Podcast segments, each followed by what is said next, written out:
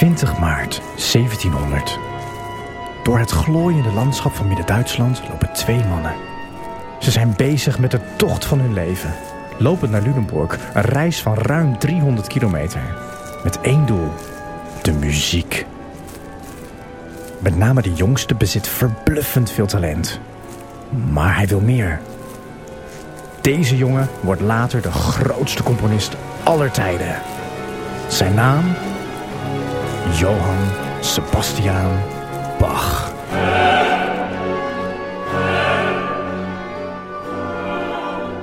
Maar gaan we nou weer een podcast over Bach maken? Ja, er is heel veel over hem gemaakt en gedaan. Maar er ontbreekt iets essentieels. Het menselijke verhaal. Bach voorbij de mythe. En daar gaan we in deze podcast wat aan doen. We gaan hem van zijn voetstuk halen, zodat we hem opnieuw op waarde kunnen schatten. En daarin ben jij onze gids. Ik ben Anthony Scheffer, muzikus, dirigent. Ik heb heel veel muziek van Bach uitgevoerd en ik ben daar nog lang niet op uitgekeken. En ik ben Allard Amelink en ik neem het allemaal op. Altijd weer die Bach is een podcast van EO en NPO Klassiek.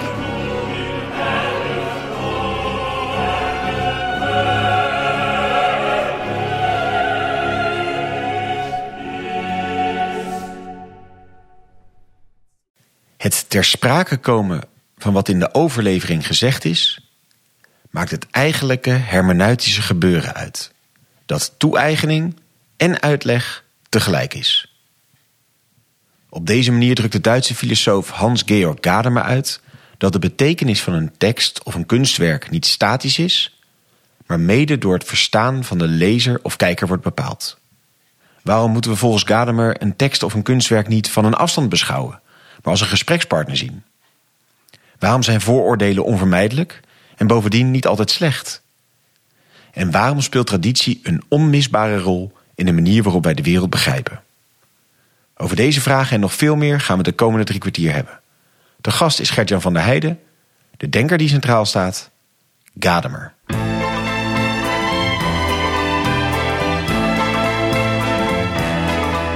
Les docks où le et l'ennui me le dos. Dag, goed dat je weer luistert naar een nieuwe aflevering van de podcast Filosofie van het Santre Erasme, School voor Filosofie. Mijn naam is Allard Amelink en je kent het concept van de podcast inmiddels wel. Een hoofdgast, een presentator, een sidekick en in ongeveer 45 minuten duiken we in het denken van één filosoof. Tegenover mij Jozef Vaanders. Goedemorgen. Wij zijn Is het opnametijd? Ja, wij zijn vandaag een dagje onderweg met z'n tweeën. Zeker. In eh, Nijmegen. eh, hoog. De veertiende verdieping van het eh, universiteitsgebouw. Dus met een mooi uitzicht over, over de grens zelfs, begreep ik net. Dus Duitsland in, een vrij bosrijk gebied.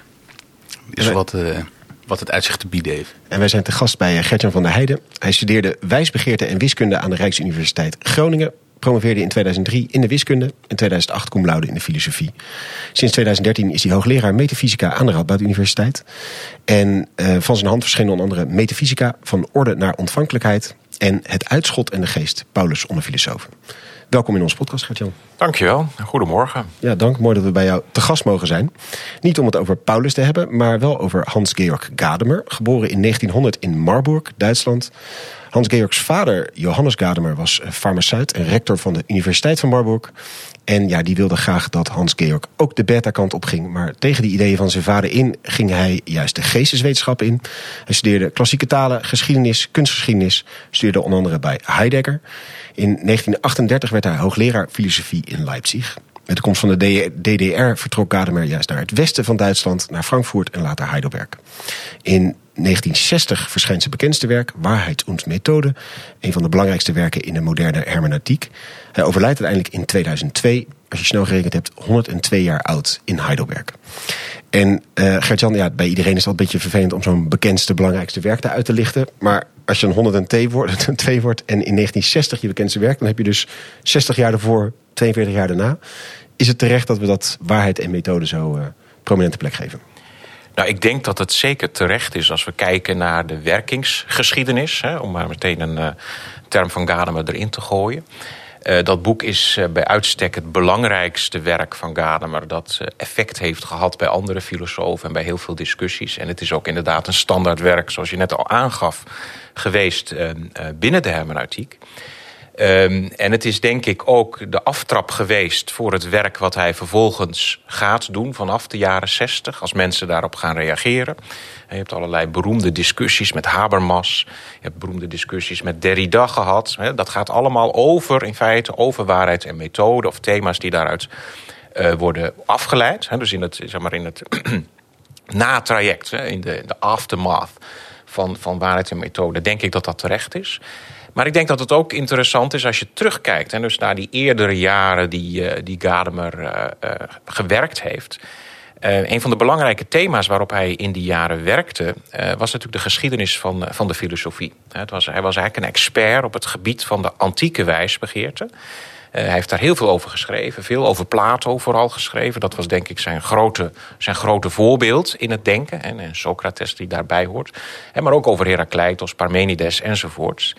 En ik denk dat um, waarheid en methode ook gezien en begrepen kan worden... als een reflectie op hoe moet je nou eigenlijk aan geschiedenis van de filosofie doen?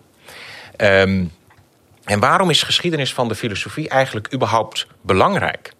Uh, en, en, daar komt, uh, om dat er meteen maar, maar bij, te, bij te vertellen... daar komt denk ik ook de titel uh, van het boek Waarheid en Methode... meteen op de, om de hoek kijken. En je kunt natuurlijk als historicus een methodische benadering van het verleden kiezen. Je kunt zeggen van ik, ik sta zelf op afstand van het mhm. verleden. Ik plaats mij buiten het verleden en ik probeer objectief dat verleden uh, te beschrijven. Uh, dat is een methodische benadering. En Gadamer vraagt zich af of dat wel recht doet aan wat wij doen. Uh, als wij aan geschiedenis van de filosofie doen. Willen we inderdaad buiten de geschiedenis gaan staan en proberen te beschrijven wat Plato zo allemaal gezegd heeft? Of zijn we zelf geïnvolveerd in de vragen die een, iemand als Plato opwerpt. Ja. En zijn wij geïnteresseerd in de geschiedenis van de filosofie? Omdat die filosofen vragen stellen die wij zelf nog steeds relevant vinden. En die, die de, de, titel van het werk Waarheid en Methode... Um, Paul Ricoeur, ook een belangrijke hermeneuticus, die, die zei daar ooit over... eigenlijk moet dat boek heten Waarheid of methode. Hm. Omdat Gadamer zegt, de historicus moet niet uitgaan in eerste instantie... de historicus van de filosofie...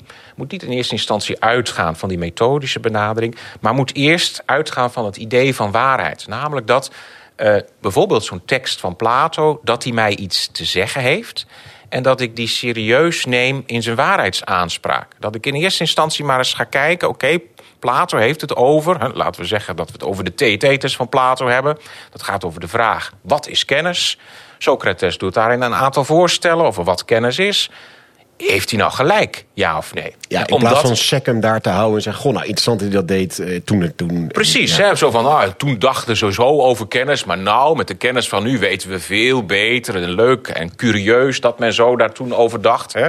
Een beetje zoals eh, Thomas Kuhn, eh, als hij terugkijkt op hoe Aristoteles over de natuur schrijft en de natuurkunde schrijft. Zegt, ah, wat eigenaardig en wat is daar eigenlijk gebeurd? Waarbij we begrijpen natuurlijk veel beter tegenwoordig. Daar is iets, eh, iets zij snapt er helemaal niks van.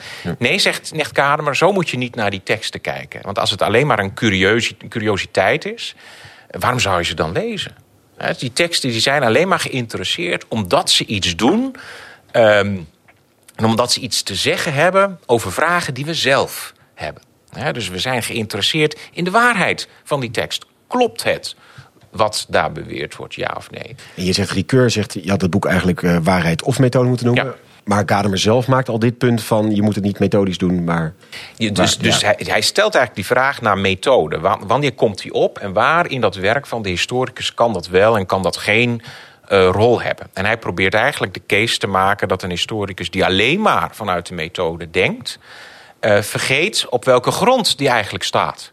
Namelijk, hij staat op een grond van geïnteresseerd zijn in het verleden. Hè?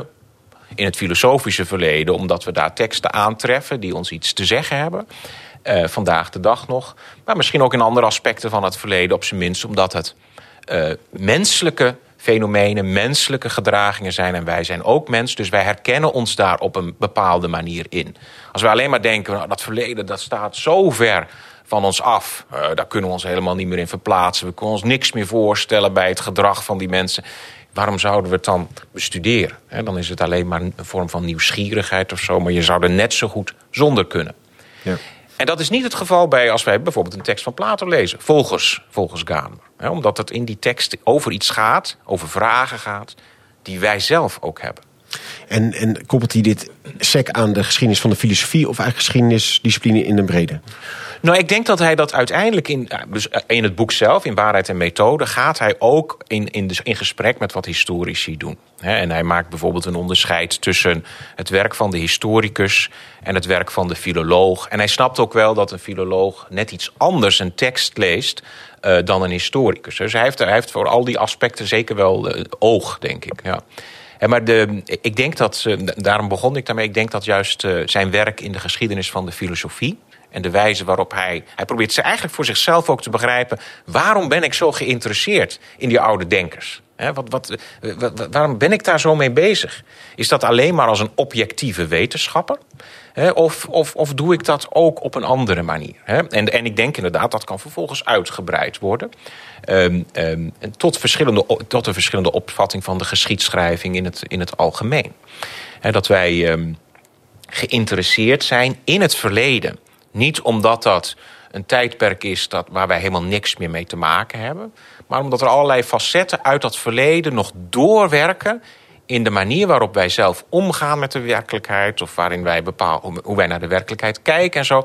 Wij zijn in dat opzicht gevormd door het verleden. En dat is, uh, dus hij heeft, daar, hij heeft daar een technisch begrip voor. Uh, en dat noemt hij Wirkungsgeschichte.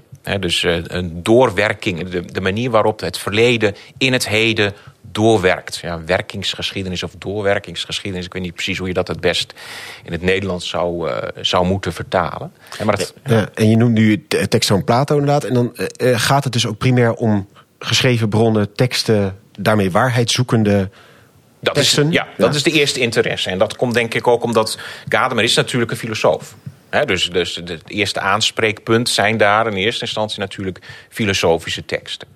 Um, en, en, en wat het interessante is, denk ik, van die filosofische teksten... is dat die filosofische teksten vanuit zichzelf een bepaalde waarheidsaanspraak hebben.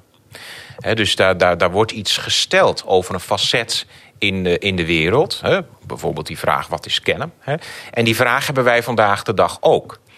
Um, en de grote vraag, en dat is eigenlijk de, inzet van Gadamer... is als we in gesprek gaan met die oude teksten uh, dat wij in die teksten een antwoord vinden op onze vraag. En dat is natuurlijk, dat, in eerste instantie lijkt dat heel contra-intuïtief. ik heb een bepaalde vraag door de context waarin ik leef. Uh, ik ga terug naar een oude tekst. Die, die, die, geschreven is in een tijd die helemaal niks te maken heeft met de tijd waarin wij hier en nu leven. En toch blijkt die tekst iets te zeggen over de vraag um, die ik zelf heb. Ja, dus je leest niet om te zien welke vraag had Plato en welk antwoord had hij daarop. Precies. Hè? Of Socrates. Precies, nee. Ja. Misschien soms bijna onbewust zit je zelf met een vraag. Precies. En hoop je dat Precies. zijn omgang met die vraag jou ook weer ja. verder helpt. En, en het wonder zou je kunnen zeggen, als we het even in die, in die vorm mogen, even in die term mogen zeggen. Het wonder van het omgaan met die teksten uit het verleden. Is dat ze inderdaad iets terugzeggen op onze vraag. En dat is, dat is eigenlijk het, wat, wat, wat uh, Gadamer het, het gebeuren van betekenis noemt. He, dus de, dus uh, het, opeens blijkt in die tekst, onthult zich daar een nieuwe betekenis, een antwoord op mijn vraag in een tekst die eeuwen geleden geschreven is. Nou, dat is natuurlijk interessant. Nou, en dan moet je de vraag natuurlijk stellen van hoe kan dat dan? Nou ja, zal, zal, zal, zal Gadamer zeggen, er zijn natuurlijk bepaalde teksten. Ik noem maar weer even Plato als voorbeeld. Maar we zouden ook Homerus kunnen noemen. We zouden ook de brieven van Paulus kunnen noemen. Dat zijn teksten die op een of andere manier in onze cultuurgeschiedenis steeds opnieuw gelezen zijn. Dat wil zeggen dat ze voor al die generaties tussen Plato of Paulus en vandaag de dag zijn dat belangrijke teksten geweest. Uh, en hebben dus daarmee steeds het, ons, onze blik, onze culturele blik op de werkelijkheid mede vorm gegeven. En dat is wat hij met doorwerking bedoelt. Hm. He, dus, dus het is echt een, een over, vandaar dat het ook over hermeneutiek gaat. Het gaat over overdracht en over traditie. En levende teksten. En de teksten, en die worden ook in leven gehouden. En die worden, dat zijn levende teksten omdat ze in leven worden gehouden door generaties lezers. En ze zijn natuurlijk levende tekst omdat ze klaarblijkelijk vanuit zichzelf de kracht hebben om generaties lang aan te blijven spreken. Ja, want, want, want, komt hij daar ook met een, een, duiding van waarom de ene tekst uh, al dat sediment achterlaat in al onze tijden en dat overleeft en de andere tekst niet?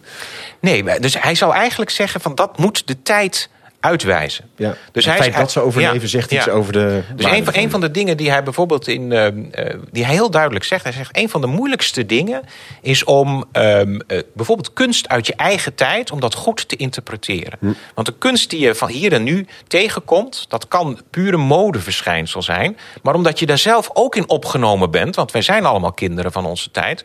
Zo kun je dat op dat moment niet zelf inzien. Of dat nou wel of geen modeverschijnsel is. Of dat het iets te zeggen heeft wat krachtiger is. En wat ook volgende generaties zal aanspreken. Ja, we hadden het in de auto hierheen toevallig over Bach en Telemann. Ja. Dus in de tijd van Bach was Telemann Ja. de grote man Ja. en niet Bach. Ja. Hè, dat, en dat is voor ons nauwelijks meer voorstelbaar. Ja. Van, eh, zo een beetje Nou, dat, maar daar heeft dat iets mee te maken. Hè. Dus dat blijkt doorheen de tijd.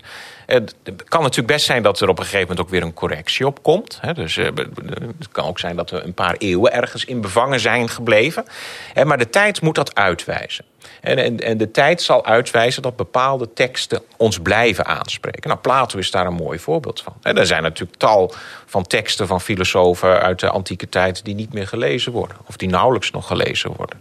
Ja. En gaat hij dan ook in de optocht er ergens eh, toevalligheid of, of politieke constellaties waarin zulke soort teksten wel op een podium gezet worden of niet? Je zegt ja, dat kan ook een eeuwencorrectie zijn, maar dat lijkt me ook wel een. Nou, ten aanzien van het christendom is natuurlijk het feit dat het 20 eeuwen doorgegeven is, mede ook ingezet doordat ja, het op een gegeven moment zo doordecent was in de sa- samenleving dat het ook niet anders kon, zeg ja, maar. ja. Ook een soort zichzelf bevestigend Zeker, zeker, zeker. En, en, dus de, en daar, zit, daar zit natuurlijk een interessante vraag met betrekking tot, eh tot Gadamer... die heel erg sterk inzet op het idee van traditie. Ehm, eh, dus wij vertrekken altijd vanuit traditie. Dus hij, hij denkt dat niet in eerste instantie als een politiek vraagstuk. Maar eigenlijk de vraag die je nou stelt... is eigenlijk een, variant op de discussie die hij met Habermas heeft gehad. Dus Habermas die zal zeggen van... Als, kijk, eh, beste Gadamer, je doet het prachtig... je denkt vanuit de traditie, je denkt vanuit de taal... maar wat nu als die traditie of die taal de uitdrukking is... van een bepaalde ideologie? Dus, eh, dat is, Habermas is daarmee een soort van vertegenwoordiger van wat Ricoeur de meesters van de argwaan noemt. Dus, dus we leven in een betekenisvolle traditie of in een betekenisvolle cultuur. Maar wat nu als die cultuur eigenlijk op de achtergrond of op de, achter onze rug om, die cultuur ons eigenlijk een ideologie probeert op te dringen. Hè, of op, op een of andere manier op ons inwerkt als een politieke kracht om bepaalde machtsverhoudingen in stand te houden. Ja, dus daar zit een, daar zit een, belangrijke, daar zit een belangrijk discussiepunt eh, met, met Gadamer. En het feit dat Habermas het belangrijk vond om dat in te brengen... laat natuurlijk zien dat dat zeker niet Gadamers eerste invalshoek is. Hè, maar Gadamer die zal zelf zeggen van kijk, het is allemaal leuk en aardig hè, als je dat zegt. Maar ergens hè, moet je dan klaarblijkelijk toch ook in de traditie... in je eigen eh, verstaansvermogen van de werkelijkheid... de, de krachten en de, de betekenissen vinden om iets te ontmaskeren. Dus ook het, het kunnen. Kijk, hoe kan Habermas nou iets ontmaskeren? Hoe kan Habermas bijvoorbeeld die theorie van. Nou, laten we zeggen dat taal en traditie de uitdrukking is van een ideologie in het spel brengen? Gadamer die zou misschien kunnen zeggen van ja, maar dat heeft ook mee te maken dat Habermas in de traditie van de kritische theorie staat. Eh, en die kritische theorie die komt op eh, dankzij eh 18e eeuws denken zoals dat bij Kant opkomt. Hoe, hoe ont- ontwikkelen we een kritiek? Wat betekent dat eigenlijk? Dat betekent dat het eigenlijk schatplichtig ook is aan een bepaalde opvatting van de menselijke reden. Maar die opvatting van de menselijke reden is zelf door en door historisch gekleurd enzovoorts. hè. Dus, dus zal dat soort vragen gaan stellen. En dus hij zal zeggen van kijk... Eh, tuurlijk kun je dit soort, dit soort, dit soort punten eh, inbrengen tegen mij. Maar dan moet je eigenlijk ook zeggen van welke traditie en welke cultuur je zelf gebruik maakt. En van welke betekenisvolle instrumenten je gebruik maakt. Eh, en dan gaat er ook een discussie ontstaan. Hè? Want dat, is, dat zie je trouwens al in waarheid in methode. Eh, dat Gadamer wel allerlei problemen heeft. ehm, met de verlichtingstraditie, waaruit natuurlijk op een bepaalde manier ook de kritische theorie, via een ingewikkelde weg natuurlijk, hè, want die zien ook wel de, de tegenkant zeg maar, van, de, van de reden in de vorm van de instrumentele reden. Maar waar dat uit voortkomt. Hè, dat, dat komt voort uit het vertrouwen in de menselijke reden, eh, die, die eigenlijk claimt op eigen kracht helemaal te kunnen denken. En daarvan zal Gadamer zeggen: nee, dat klopt niet. Want die menselijke reden die is altijd ingebed, is altijd historisch, cultureel ingebed. Ehm, dus dat is een, uh, in, in, in waarheid en methode gaat het dan op een gegeven moment ook, ook over een heel belangrijk thema, namelijk over de notie van het vooroordeel bij, uh, bij Gadamer. Dus je, je zou kunnen zeggen dat, uh, nou laat, ik, laat ik het even met de Kantiaanse filosofie doen. Dus de, de, de Kantiaanse reden die wil oordelen vellen over de dingen. Maar zegt, zegt Gadamer, die oordelen die worden altijd geleid door iets anders. En dat noemt hij vooroordeel. Niet in de pejoratieve zin van het woord, maar over een soort van impliciet oordeel wat voorafgaat aan het expliciete oordeel ja. van de menselijke reden. Um, en Gadamer die is natuurlijk niet naïef. Die snapt heel goed dat er productieve vooroordelen kunnen zijn, maar dat er ook negatieve vooroordelen kunnen zijn. Op, op allerlei manieren. Um, maar zegt hij, wij komen daar alleen maar achter op het moment dat, hè, want die vooroordelen breng je impliciet, eigenlijk als vanzelf in het spel, als we stuiten op een tekst of op een andere cultuur, waarin ineens een ander vooroordeel naar voren komt, die niet past bij dat van ons. En dan worden we ons ineens bewust van, hé, hey, er gebeurt hier iets. Um, en daar moeten we over na gaan denken. Vandaar dat, dat Gadamer niet zal zeggen, de mens die moet denken vanuit zichzelf, alleen, hè, vanuit zijn redelijke vermogens alleen. Nee, het primaire model is een sociaal model. Namelijk de dialoog. Dus, dus, de, dus, dus, dus, want, want als we het alleen maar met onze eigen vooroordelen moeten doen. Dan word je ook nooit van je vooroordelen bewust. Dan word je nooit van je vooroordelen bewust. En kun je er niet van bevrijd worden. En pas in, de, in, in die ontmoeting met de ander, in dat precies, dialogische proces, kan precies. je op een of andere manier precies. bewust worden van die vooroordelen. Precies. Die dan positief of negatief kunnen zijn. Maar in ieder geval komt het reflectieproces op gang. Ja, ja helder. En één stap misschien alleen nog terug. Even die, die vooroordeel-oordeel. Hoe is die verhouding dan? dan? Je hebt dus eigenlijk een soort onderliggende aannames... om ze even misschien wat, wat neutraler ja. te laten klinken. En die uiten zich dan in expliciete oordelen. Of zoiets. Dus het is eigenlijk ja, wat of je, die wat je leiden, vindt, die, zeg maar. die, die, die, die leiden je expliciete oordelen. He, dus het is eigenlijk, in zekere zin is het een variant op wat die meesters van de argwaan zeggen. Die meesters van de argwaan die zeggen, er is een soort van kwaad, dat is eigenlijk Descartes kwaad de genie, die, die ja. achter onze, onze, onze rug om allerlei dingen uh, doen, he, die ons de, de wereld op een bepaalde manier laten zien. En Gadamer zegt, ja, maar dat is niet alleen maar negatief. He, want dat zegt iets over het historische karakter. Wat die meesters van de argwaan eigenlijk op het spoor zijn... is dat wij mensen geen uh, atomen zijn... geen geïsoleerde ja. individuen zijn... maar getekend zijn door de tijd, de cultuur waarin wij leven. He, en ook getekend zijn door de taal die wij spreken. En taal is misschien een heel mooi voorbeeld om dat, om, de, om dat mee duidelijk te maken. Taal krijgen wij aangeleerd ja. in eerste instantie van onze ouders... Dus die taal is helemaal niet van ons. Vervolgens, als we naar school gaan, dan leren we de, taal van de, van de straat, van, de, van de klasgenoten, de taal van de, eh, van de onderwijzers enzovoorts. En zo langzamerhand leren we allemaal nieuwe vormen van taal. Maar die zijn niet door onszelf bedacht. En toch gaan we op den duur, als we die taal echt ons eigen maken, gaan we op onze eigen manier in die taal spreken. En dus, dus de, de, de, de, de, de mogelijkheden, de potentie die die taal biedt, die kunnen wij aanboren. Maar die hebben we ons in eerste instantie aangeleerd gekregen door allerlei omstandigheden, door de omgeving waarin we leven, door de wijze waarop we opgevoed zijn, door de boeken die we hebben gelezen enzovoorts. Ja. Ik, ik wil, heb nog een vraag over die, uh, die titel waar we het al eerder over hadden. Ja, waarheid en ja. methode of waarheid of methode. Want die, die waarheidsaanspraak is helemaal duidelijk. En ook dat dat het soort van primaat heeft. Maar waar komt de methode dan precies in beeld? En komt, is het inderdaad of of is het en? Wat is de rol van de methode hierin? Hij heeft er toch ook een plek in zijn titel gegeven. Dus ja, nou, ik, ik, maar ik denk. Helemaal onbelangrijk zal het niet nee, zijn. Nee, het is niet onbelangrijk. Maar ik denk echt dat. De, dus ik denk dat Ricoeur wel iets op het spoor is. als hij zegt waarheid of methode. En dat heeft ook iets te maken natuurlijk met het moment waarop dat boek geschreven is. Dus het, is een boek over hermeneutiek. Dat wil zeggen, het is een boek over de methode, zou je kunnen zeggen, van de geesteswetenschap. Hermeneutiek zouden we in die context eigenlijk kunnen zien als de methode van de geesteswetenschap. Um, en uh, iemand als Dilthey is natuurlijk een aantal decennia voor Gadamer degene geweest die die hermeneutiek op de kaart heeft gezet als methode van de geesteswetenschap. Um, en als je het boek uh, Waarheid en Methode leest, dan blijkt Dilthey, dat is eigenlijk een van de koppen van Jut, kun je dat zeggen? Mm -hmm. Het is een kop van Jut, samen denk ik met Schleiermacher op bepaalde momenten. Um, enerzijds is hij natuurlijk schatplichtig aan hun werk. Want hij laat op een of andere manier. Hij, hij heeft heel goed ingezien dat zij die hermeneutiek op de kaart hebben gezet. En anderzijds is hij bang dat dat te methodisch en te methodologisch blijft. En daarmee, en dat, dat speelt denk ik bij, bij Gadamer heel sterk op de achtergrond...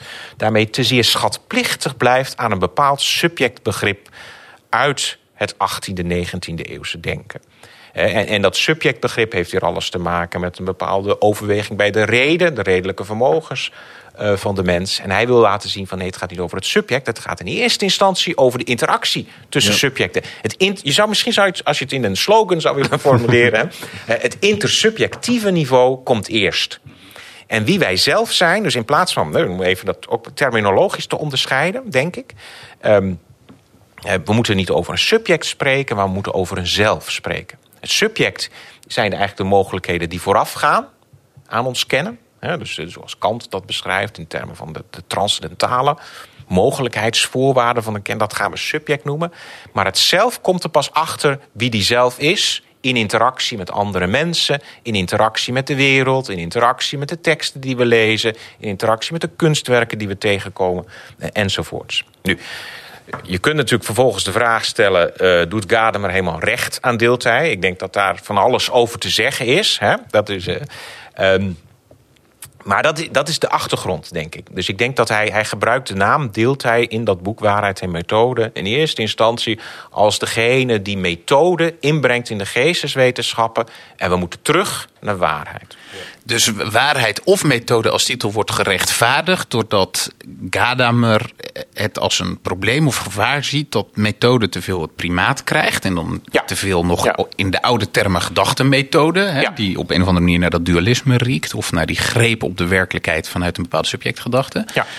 Maar hij heeft het zelf waarheid en methode genoemd. Dus waar komt hij me- methodisch zelf mee? Want de- Nou ja, hij heeft het niet alleen als tegenover. Nee, maar Eh, ik, ik, ik denk dat dat. Wat, wat, dus dus wat, wat, de vraag is dan: wat bedoelen we precies met methode Ja. en wat doet een methodische benadering? Ik, ik denk dat, dat voor Gadamer en Gadamers voorstelling van zaken in waarheid en methode. Een methode impliceert dat de wetenschapper, de historicus, zich als subject hè, Ja. tegenover een bepaald object gaat opstellen. Ja. En dan dreigt de wereld bij voorbaat in tweeën te vallen.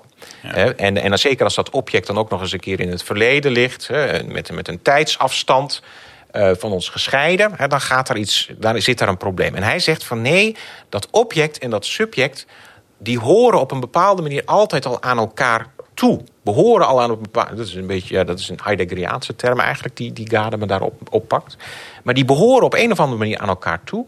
En dat noemt hij traditie. Eh, en, en, en, en het woord wat we ook al besproken hebben, Wirkungsgeschichte, eh, heeft daar ook mee te maken. Dat object staat niet alleen maar op afstand van ons, maar dat werkt door in de traditie waarin wij staan. En dus in het perspectief dat wij zelf op de werkelijkheid hebben. Ja. Dat wij, en, en, dan wordt het ineens niet meer zo raar dat die tekst van Plato ons kan aanspreken. Want die tekst die heeft al die generaties aangesproken. En daar zijn wij mede door bepaald. Onze historische culturele situatie is daar mede door bepaald. Ehm, en dus ehm, is dat eigenlijk de grond waarop je staat. Dus misschien is het in dat opzicht ook beter. eh, om te zeggen dat als we het hebben over die tegenstelling tussen waarheid en methode, om daar nog wat andere termen aan te plekken, namelijk, eh, op te plakken. Eh, namelijk dat waarheid gaat over ontologie, de bodem waarop we staan, terwijl methode gaat over epistemologie. En, en ik denk dat, ehm, omdat eh Gadamer natuurlijk daar in een strijd verwikkeld is om die ontologische grond eh, te laten zien, denk ik dat daardoor het epistemologische er soms wat bekaaid van afkomt. Eh, maar ik denk dat hij probeert te laten zien dat als we ons tot het epistemologische beperken, dat we die grond uit het oog verliezen. Ja. En da- daar, zit, daar zit volgens mij. Veel Heidegger-invloed Daar hier zit ook, heel veel Heidegger-invloed, denk ik. Eh, maar daar zit natuurlijk ook gewoon. Dat is ook het historische moment waarin waarheid en methode geschreven is. Hè? Dus dat- is ook een, een, een context waarin we iets met die methode moeten. Waarin hij vindt dat we iets met die methode moeten. En misschien is dat vandaag de dag nog wel steeds eh, relevant om die vraag te stellen. Eh, Maar je moet natuurlijk na Gadamer ook weer de vraag stellen van... Ja, hoe zit het dan precies? Hè? Want het is natuurlijk niet zo dat, dat methodologische overwegingen helemaal niet werken. Hè? Die kunnen wel degelijk eh, ook ons inzicht aanscherpen. Nou, een denker als Ricoeur, die in het verlengde heel duidelijk, vind ik, van Gadamer...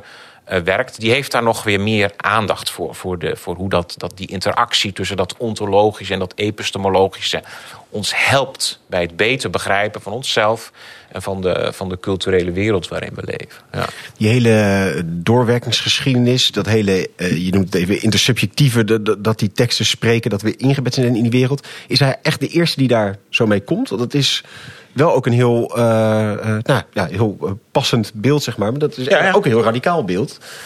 Nou, ik, kijk, eh, er zijn sommige mensen die, die, die Gadamer eigenlijk karakteriseren als een denker die wil, terug wil naar voor de moderne tijd. En, en daar zit natuurlijk wel iets in. Dus, dus eh, stel dat we het begin van de moderne tijd met een denker als Descartes inderdaad karakteriseren als een breuk met de traditie. Zo kun je natuurlijk het begin van de, meditaties, zoals die beginnen van Descartes, dat is natuurlijk prachtig als je dat leest. Je zegt van, oh jongens, ik zit, sta in een traditie, ik zijn mij allerlei dingen aangeleerd, allerlei overtuigingen. En nou kom ik erachter dat de ene helft van die overtuigingen waar is en de andere helft is niet waar. Oh, wat een chaos, ik moet opnieuw beginnen, maar dat betekent dat ik de autoriteit van de traditie naast mij neer moet leggen en dat ik zelf moet gaan denken. En, dat betekent natuurlijk dat Descartes zelf uit een situatie komt waarin traditie en autoriteit wel een rol spelen. Dus ik was eh, heel toevallig. eh, eh, was ik de, de afgelopen week Augustinus aan het lezen.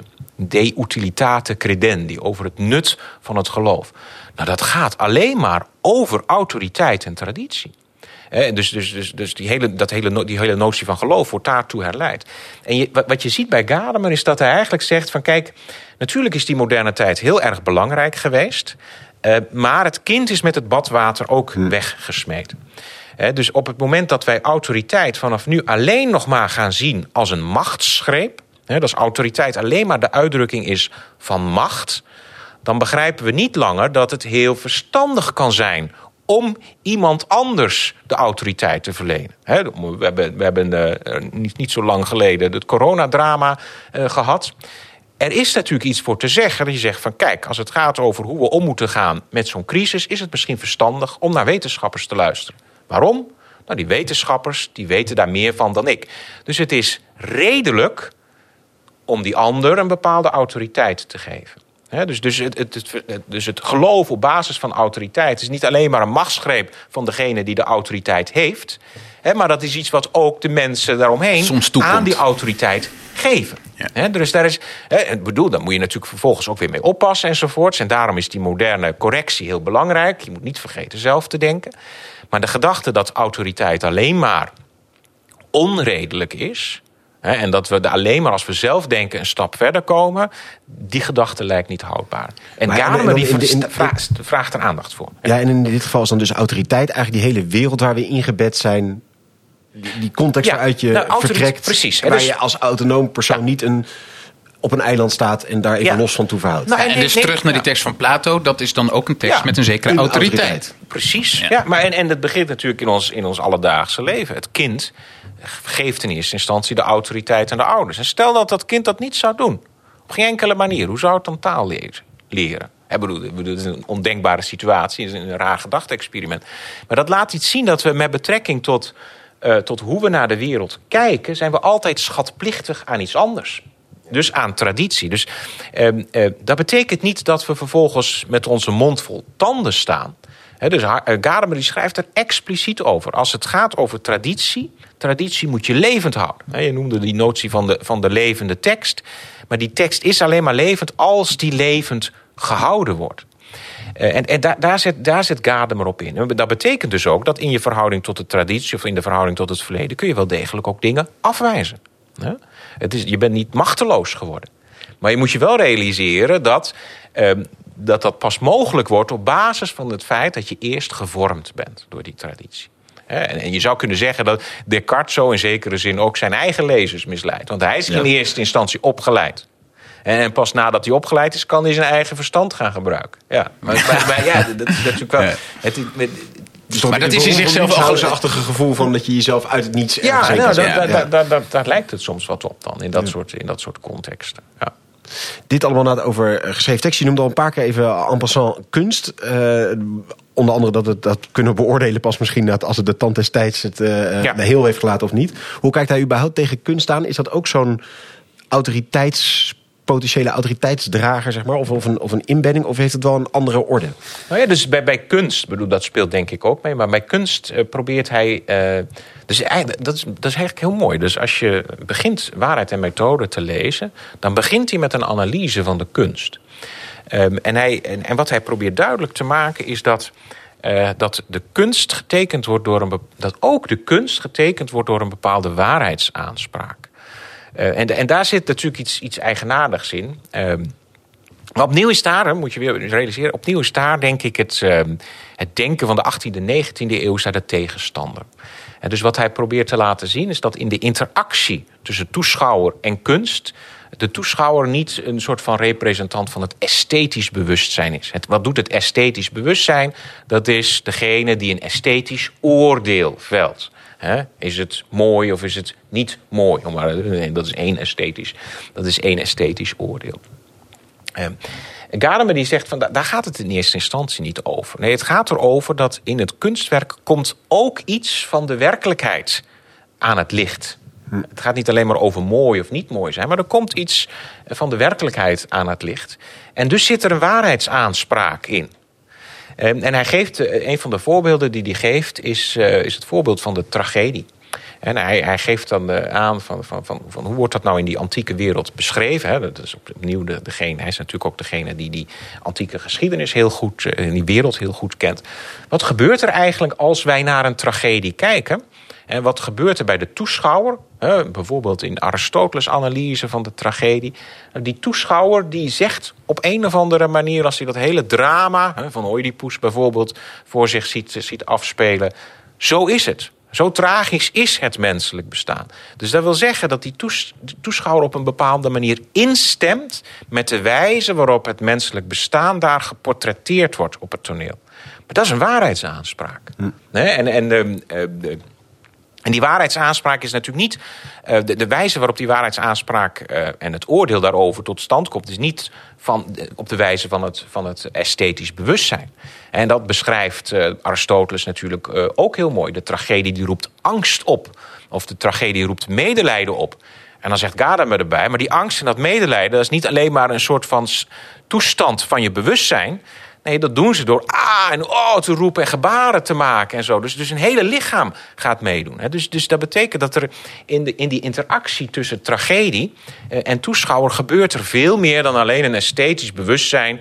eh, die daar ergens hoog eh, in de koele. Ja, ergens hoog mooi zit en stuk, zeg. oh, Nou, mooi mooi. stuk. Hè. Ja. Nee, maar de, de, de, de toeschouwer wordt daadwerkelijk aangedaan. En, en omdat hij wordt aangedaan, ervaart hij de waarheidsaanspraak. Ja, of, of niet natuurlijk. Je kunt- Het oordeel kan ook zijn van nou, dit, was, eh, dit, dit slaat nergens op. Zo zit het menselijk bestaan echt niet eh, in elkaar. En, dus, en, en ik denk dat dat een heel ehm, interessante invalshoek is. Dus dat zelfs als het gaat over kunst, wat natuurlijk een van de belangrijke onderwerpen is die in de geesteswetenschappen bestudeerd wordt. eh, en dat zelfs in de interpretatie van kunst we in eerste instantie vertrekken vanuit die bodem van de waarheidsaanspraak. We lezen de tragedie om in eerste instantie, en we zijn geïnteresseerd ook om allerlei epistemologische, methodische eh, praktijken te ontwikkelen om die tragedie beter te begrijpen. Omdat, die omdat we denken dat die tragedie ons iets te zeggen heeft over ons eigen bestaan. Waarom zou je anders in vredesnaam als filoloog gaan uitzoeken wat specifieke woorden in het Oud-Grieks precies betekenen? Wat is de zin daarvan? Als het niet je helpt bij meer inzicht in wat die tragedie te zeggen heeft over het menselijk bestaan. Dus, en, en dat is voortdurend het punt dat Gadamer probeert te maken. En hij, hij doet dat denk ik heel, heel, eh, heel krachtig. En, eh, bedoel, in, de, in de literatuur is, wordt dat dan onder de noemen van een soort van slogan... Hè, van ontologie versus epistemologie wordt dat uitgespeeld. Maar zodra het een slogan wordt, verlies je denk ik de, de eigenlijke inzet. Het gaat erover, hoe worden wij aangesproken door kunstwerken? Waarom vinden wij het interessant om door de ogen van een kunstenaar... Ehm, of eigenlijk door de ogen van het kunstwerk, want die kunstenaar doet er eigenlijk bij nauwelijks nog toe. Eh, maar door de ogen van het kunstwerk naar de werkelijkheid te kijken. Wat toont dat ons van de wereld? In de tragedie dan natuurlijk heel specifiek van het menselijk bestaan. Hè, maar als je schilderkunst kijkt, dan is dat misschien heel wat anders. Dan, dat laat een manier van kijken naar de wereld zien en zo. Ehm, Dus dat, daar, gaat het, daar gaat het denk ik Gadamer om. En hij wil die, die geesteswetenschappen weer op die bodem plaatsen. En die moeten we niet uit het, uit het, oog, uit het oog verliezen. Ja. Je zegt dat die kunstenaar verdwijnt uit het beeld. Ehm, kijk, zeg maar, bij van die uh, onaantastbare, verre mensen als uh, Plato en de tragedieschrijvers, Sophocles, weet ik veel, denk je natuurlijk allemaal die zijn een soort bovencategorie buitenmenselijk, zeg maar. Ja, Ook omdat ja. die hele eeuwen ertussen dat allemaal zo opgestapeld hebben en die betekenis.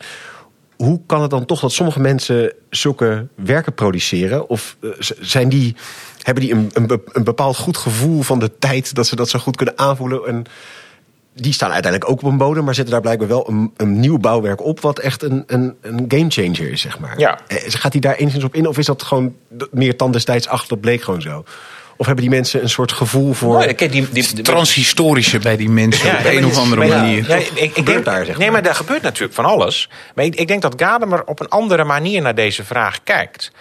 Dus, hij, dus hij zal zeggen van kijk, natuurlijk zijn dat getalenteerde mensen. Dat, is, dat, dat spreekt voor zich. En, en ik bedoel, we kunnen met- wat mij betreft met, met de romantische traditie ook nog wel over genieën en zo, en zo spreken.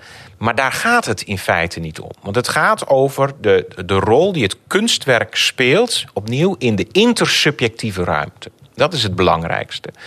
En, en zelfs, hè, stel als je het hebt over. eh, een flauw, is een flauw voorbeeld, maar gewoon als voorbeeld. Hè, dus als we het hebben over Plato. Wie, voor ons, wie is Plato eigenlijk voor ons? Dat hangt natuurlijk af van de dialogen die we van hem hebben. Dus de auteur Plato krijgen we pas in beeld via de dialogen. Eh, En dan wordt het ineens heel belangrijk welke dialogen wel of niet aan Plato worden toegeschreven. En als je ziet dat in de geschiedenis soms bepaalde dialogen wel en in andere momenten van de geschiedenis niet aan Plato worden toegeschreven, dan wordt ineens die auteursnaam Plato, dan wordt ook een soort van eigenaardige verdwijnpunt. En, en die doet ook niet zozeer ter zake. Plato is interessant als degene die bepaalde teksten heeft nagelaten. En die teksten, die moeten we nemen voor wat ze zijn. En, die, dus, eh, en, en dat is denk ik heel belangrijk. Dat voor, voor eh, Gadamer zijn bijvoorbeeld de filosofische teksten van Plato niet interessant omdat ze zijn denkwereld tot uitdrukking brengen. Nee, maar omdat die teksten, als we ze lezen, direct betekenisvol zijn voor ons. Want we komen er nooit precies achter wat zich in het hoofd van die arme Plato allemaal heeft afgespeeld. En dat is ook niet interessant, omdat die tekst zelf ehm, ons iets te zeggen heeft. Dus- Dus hij wil, je zou kunnen zeggen, en dat is ook een discussie eigenlijk die hij met, met deeltij voert, of in ieder geval met een bepaalde deeltij voert, eh, dat hij zegt van kijk, we moeten bij de, kunstwerk als de uiting van een, van een, van een bewustzijnsleven, zoals Deeltij dat beschrijft, eh, dat moeten we eigenlijk, zo moeten we er eigenlijk niet kijken. We moeten niet terugvragen naar het bewustzijnsleven waar het kunstwerk een uitdrukking van is. We moeten gewoon naar de oppervlakte, zo gezegd, van dat kunstwerk kijken. Want dat is zelf al betekenisvol. En dat daar inderdaad, natuurlijk zit daar een bewustzijnsleven achter. Er is niemand die dat zal ontkennen. Eh, maar daar hoeven we ons misschien veel minder druk over te maken. Het gaat ons over de betekenis die we tegenkomen in dat kunstwerk. Dus, dus je ziet dat, dat ehm, en dat, dat is, eh, dat is het, het, model dat hij, hij gaat kiezen, dat, dat eigenlijk de, eh, het zwaartepunt gaat verschuiven van de kunstenaar, hè, zoals dat natuurlijk in de romantiek wel een heel belangrijke figuur was, eh, naar de interactie tussen kunstwerk en interpreet. En, en, toeschouwer, wat mij betreft. Eh, dus dat soort verschuivingen eh, eh, treden op. En, en dan zie je natuurlijk heel mooi dat juist die, die sociale dimensie, die intersubjectieve sfeer, eh, heel belangrijk is. En het is, heel, het is inter, in, de, in de geschiedenis van de filosofie is het interessant dat dit soort auteurs als Gadamer daar al in de jaren zestig heel intensief mee bezig zijn. Hè. Terwijl je nu bijvoorbeeld binnen de analytische filosofie sinds de jaren negentig of zo zie je ineens de interesse in die sociale dimensie van het kennen en het begrijpen pas ontstaan. Die lopen altijd achter de feiten aan. alles hè? een klein beetje achter de feiten aan. Dat mag ik toch wel zeggen? Ja, ja, ja. In onze podcast zeker. Ja. In, ehm, eh, we zeggen een waarheid en methode. Eh, op een eh, vreemde manier heb je natuurlijk nu de hele tijd over de, de, de, het belang van die waarheidsvraag en Ja. die, die onderliggende ding. Past hij in dit werk ook zelf toe dat hij teksten gaat lezen en dat gaat doen, zeg maar? Dus dat hij toch zijn Ah, ja. nieuwschapen methode toch gaat uitvoeren? Eh, of blijft het in die zin een beschrijving van hoe Nou, het eigenlijk zou moeten doen? Ja, nee, maar ik denk, ik denk dus dat daarin, hè, dus van, we hadden het aan het begin, hè, van hij heeft, hij heeft dat pas op 60-jarige leeftijd geschreven. Hij heeft daarvoor natuurlijk heel veel gewoon over de geschiedenis van de filosofie geschreven. Dus eh, er zijn ook in zijn eh, verzameld werk zijn er verschillende delen. eh, die alleen maar gaan over zijn werk in de geschiedenis van de filosofie. En dat geeft aan dat hij zelf in, op 60-jarige leeftijd, als het, het lijkt net, misschien moet je het zo zeggen, dat hij op 60-jarige leeftijd aan het terugkijken is en, en hij zichzelf de vraag stelt: hoe heb ik nou eigenlijk gelezen? Wat heb ik eigenlijk gedaan in mijn lezen? En dat betekent dat je in waarheid en methode wel heel sterk er zijn wel een paar fragmenten waar hij iets aan interpretatie doet. Maar het is wel echt een reflexief werk. En dus, misschien moeten we dat een methodologisch werk noemen. Maar dan niet in de methodezin van Gademers. Uh, uh, vanuit Gademers titel gezien. Maar het is een reflectie op wat heb ik eigenlijk, of wat zijn we eigenlijk aan het doen als we interpreteren. En dat, dat wil hij scherp krijgen in dat boek. Um, en je ziet ook, ook, in de, ook in de nasleep, dus in, als je in zijn, um, in zijn verzameld uh, werk kijkt, dan gaat het natuurlijk niet alleen maar over interpretaties van de antieke filosofie. Eh, hij heeft ook heel veel teksten over Husserl en Heidegger geschreven. Dus hij heeft ook heel veel gedaan met de geschiedenis van die fenomenologie. Uh, en hij heeft heel veel gedaan ook met, uh, met, met poëzie. Hij heeft een beetje gedaan ook met beeldende kunst. Dat is, dat is vind ik, wat minder pregnant aanwezig. Maar wat, ik denk dat Gadamer echt een denker van de taal is, is geweest. Iets meer dan. Bedoel, hij heeft wel over het beeld en ook over de verhouding tussen woord en beeld. Uh, geschreven. En hij heeft ook wel echt wel belangrijke reflecties over beeld. Natuurlijk ook in een, een notie als beelddoen. Maar als je naar zijn echte interpretatie, omdat je daarna vroeg... als je kijkt naar wat hij nou echt interpreteert zelf... Hè, dus waar klaarblijkelijk zijn voorliefde ligt... Toch talig. Dan ligt dat bij de taal, denk ik. Ja, ik denk dat, dat, dat we dat wel kunnen, kunnen zeggen. Hè. Dus er zijn een paar belangrijke essays over, uh, over beelden. Um, maar de taal heeft echt het primaat. Ja, bij hem. Ja.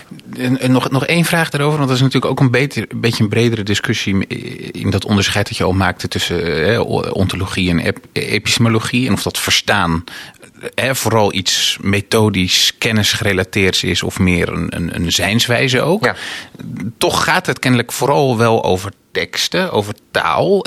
Zegt hij ook iets over wat, wat meer een beetje die Heideggeriaanse notie is van verstaan ook echt als mm. bestaanswijze. Mm. Dat, dat, hè, dat dat niet alleen iets is waarmee je tot cultuuruitingen verhoudt, maar een manier om in het leven ja. te staan. Hoe, hoe verhoudt Gadamer zich daartoe? Nou, ik, kijk, ik denk dat als je die, dus die vraag, vraag stelt en naar de verhouding tussen Heidegger en Gadamer.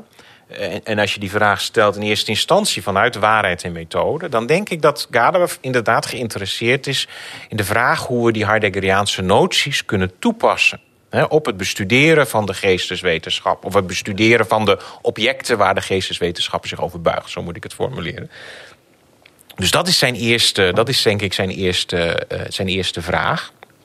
Maar als je dat wat preciezer gaat lezen in waarheid en methode, zie je wel allerlei uh, aspecten naar voren komen. waar je duidelijk ziet dat hij nadenkt in de lijn met Heidegger. Dus, uh, uh, zijn kritiek op deeltijd bijvoorbeeld. Is heel erg in, op, in zijn kritiek op deeltijd. He, maar bijvoorbeeld ook in zijn, in zijn uitleg van, van de toeschouwer en, en in de verhouding tot de tragedie. Daarin beschrijft hij bijvoorbeeld, ik vind dat een hele mooie frase. Hij heeft het dan niet over daar zijn, zoals Heidegger het altijd heeft, maar hij heeft het eigenlijk daarover daarbij zijn. De dat is heel, ik denk dat dat heel interessant is. Want bij, Heidegger, en ik denk dat dat een toevoeging is van, van Gadamer, die we misschien bij Heidegger een beetje kwijt zijn. Bij, bij Heidegger is het, het individu is eigenlijk de plaats van de waarheid. Het individuele bestaan is de plek waar de werkelijkheid verschijnt. Met als gevolg dat het alleen maar gaat over die notie van daar zijn. Terwijl Gadamer zegt, de toeschouwer is degene die ergens bij is. Dat wil zeggen dat, dat, dat het zwaartepunt in zekere zin verlegd wordt. Van niet nou, dat, dat, dat in jezelf peuren, hè, zoals Heidegger dat uiteindelijk wil doen met het, het zijn ten dode. Hè, want we kunnen alleen maar onze eigen dood sterven en zo. Dat is allemaal heel ernstig. Uh, maar Gadamer die, uh, die, die stelt de het vraag... Het getuige zijn. Ja, de, de, Gadamer is degene die getuige is. Hè. Dus de, de, Gadamer, of die, dat is degene die pleit voor zo'n vorm van mens zijn. Degene die ergens bij is en omdat hij ergens bij is, kan hij daar getuige van zijn. En vervolgens getuigenis van afleg in de taal die hij gebruikt. En ik, ik, vind dat een, ik vind dat een heel interessant model uh, om over na te denken. Waarmee je juist dat, dat, dat hele belangrijke denken van Heidegger ook wat uit die soms wat ja, individualiserende, individualistische um, um, tendens kunt trekken. Zonder dat je daarmee het individuele kwijtraakt. Want ik ben degene die hier nu bij is. En niemand Ah, En ik kan er dan over na vertellen. Maar niemand die er nu niet bij is, kan mij vervangen. Dus er zit nog steeds dat, dat individuele, onvervangbare... zit nog steeds in die notie van daarbij zijn. Nou, dat doet hij bijvoorbeeld in, zijn, in die analyse... helemaal in het begin van waarheid en methode. Over die tragedies. Over de tragedie. Ik, ik, en daar zit, goed, je moet dan een beetje... je moet wel graven hè, in die tekst. Maar ik denk dat die tekst van Gadamer daarvoor rijk genoeg is... om daar wat in te graven en daar dingen uit op te diepen. Ja. Ehm, maar het, is ook evident dat dat ehm, eh, in, die, in, die, in die verhouding tot, eh, tussen Heidegger en Gadamer... is Gadamer tegelijk ook de denker van de, eh, van de Bildung. Dus van de traditie. En Heidegger die Nee, heeft het die natuurlijk altijd niet. over de destruction. Hè. Daar Ja. moet van alles worden afgebroken en zo. eh, Want we moeten terugkeren tot... Terwijl, terwijl Gadamer zegt van nee, nee, nee. We hebben juist die traditie nodig. Hè, dat is ons vertrekpunt. En daar- we moeten daarvan uitdenken. En we moeten daar ook op een eigen manier een waardering eh, aan geven. Dus dus daar, zit, daar zitten wel duidelijk, eh, duidelijke accentverschillen, denk ik, tussen, eh, tussen Heidegger en Gadamer. Ja. En afhankelijk van het probleem waar je, filosofische probleem waar je mee zit, zal de ene denker sterker zijn dan de andere en omgekeerd. Ja. Ja. Dankjewel Gert-Jan. Hans-Georg Gadamer, Waarheid en Methode. We vroegen ons af, als je dan 60 bent en je schrijft je bekendste werk... is het dan terecht dat dat je bekendste werk is? Zeker als je 102 wordt. En je zei, nou, Ivo, vanuit de werkingsgeschiedenis van het werk... moeten we constateren dat dat eh, ja, toch wel terecht is dat dat werk zo op een podium staat. Ehm, het heeft geleid tot discussies met onder andere Derrida, Habermas, eh, daarna. En we zien inderdaad dus dat het eigenlijk een reflectie is... waarheid en methode op het werk wat hij daarvoor heeft gedaan... namelijk een bestudering van de geschiedenis van de filosofie. Met name lag de eh, focus van Gadamer op de antieke met name Plato dan weer. En ehm, waarheid en methode is een reflectie op... Ja, hoe doe je dat nou eigenlijk, geschiedenis van de filosofie bestuderen? Wat doe je dan? En ehm, om even die titel erbij te pakken... de methodische benadering zou zijn dat je zegt... nou, ik plaats mezelf buiten die filosofiegeschiedenis. Ik kijk ernaar, ik bestudeer het als op een afstand. Probeer te doorgronden wat de auteurs, de denkers van die tijd dachten... welke vragen zij stelden en welke vragen zij, eh, antwoorden zij vonden op hun vragen... Maar dat is buiten mij. En Gadamer vraagt zich af, ja, doet dat nou recht? Of zijn we veel meer betrokken op die vragen? En is de waarheidsvraag die bijvoorbeeld Plato stelt... ook niet eigenlijk de vraag die ik stel? Of kan ik op zijn minst in de vragen die Plato stelt... en de antwoorden die hij vindt... zelf ook antwoorden vinden op de vragen die ik stel? Ricoeur eh, stelde voor van moet je eigenlijk niet het boek haast noemen waarheid of methode, omdat ze dus echt zo'n beetje tegenover elkaar worden geplaatst. Omdat bij Gadamer het echt start bij die waarheid. En de vraag is, dus- het punt is dus, je moet niet Plato als een object van ver weg, als een curiosum zien van ach, dat was zo iemand die zulke soort vragen stelt. Nee, je moet hem serieus nemen. Je moet denken, ik ben benieuwd wat hij zoekt, wat hij vindt en wat dat voor mij betekent. Alleen vanuit de methode kan dus niet de grond van je interesse is echt de interesse in je eigen vragen. Ook wij hebben een band met die mensen die toen die vragen stelden. En daar gaat het dus dan over die werkingsgeschiedenis. Dat verleden van die tekst toen heeft eh, niet alleen een betekenis toen, maar werkt door in de hele wereld rondom, rondom zit, waarin je zit. En heeft doorgewerkt in al die eeuwen. En werkt dus ook door in de mens die je nu bent. Kortom, dat is niet een losgescheiden domein, maar het is een, een verbindenis tussen die twee dingen. Waar zien we dan die eerste interesse van Gadamer? Dat is wel primair filosofen en teksten. Uh, uh, Gert-Jan zei op het eind al wel van... nou, er komt een hoop kunst voorbij... maar blijft gewoon wel heel talig. Uh, maar filosofen en bij geschreven filosofische teksten... zie je natuurlijk dat die waarheidsaanspraken het sterkst naar voren komen. En die vragen die zij stelden, die hebben wij ook. En wat je dus moet doen is eigenlijk in gesprek gaan met die tekst. Uh, want dan krijgen wij na het antwoorden op ook onze vragen. Niet per se dus na de antwoorden op Plato's vragen, maar ook op mijn eigen vragen. En ja, zei Gert, dat is eigenlijk haast een soort uh, wonder wat er dan gebeurt. Van het wonder van het uh, omgaan met die teksten. Ze zeggen ons plotseling wat. Het gebeuren van de betekenis noemt Gadamer dat. Die teksten hebben een zeggingskracht toen. En die teksten hebben dus altijd ook in onze hele cultuurgeschiedenis zeggingskracht gekregen. En daarom zijn wij daar ook in ingebed in die hele werkelijkheid. En straks zullen we zien met Descartes bijvoorbeeld, die zich probeert los te snijden van traditie en autoriteit. Dat ook hij staat in een wereld die gevormd is door al die teksten. Dus je kunt je afzetten tegen die traditie, maar op een ironische manier doe je dat altijd nog weer vanuit die traditie. Of in ieder geval gevormd door die traditie.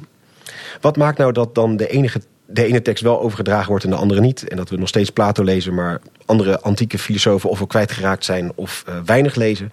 Ja, dat is toch gewoon dat, dat het feit dat het overgeleverd wordt, geeft aan dat het waarde heeft. Het heeft het dan destijds uh, uh, doorstaan. En, en zo kun je dus zien dat het blijkbaar al die tijd waarde heeft gehouden.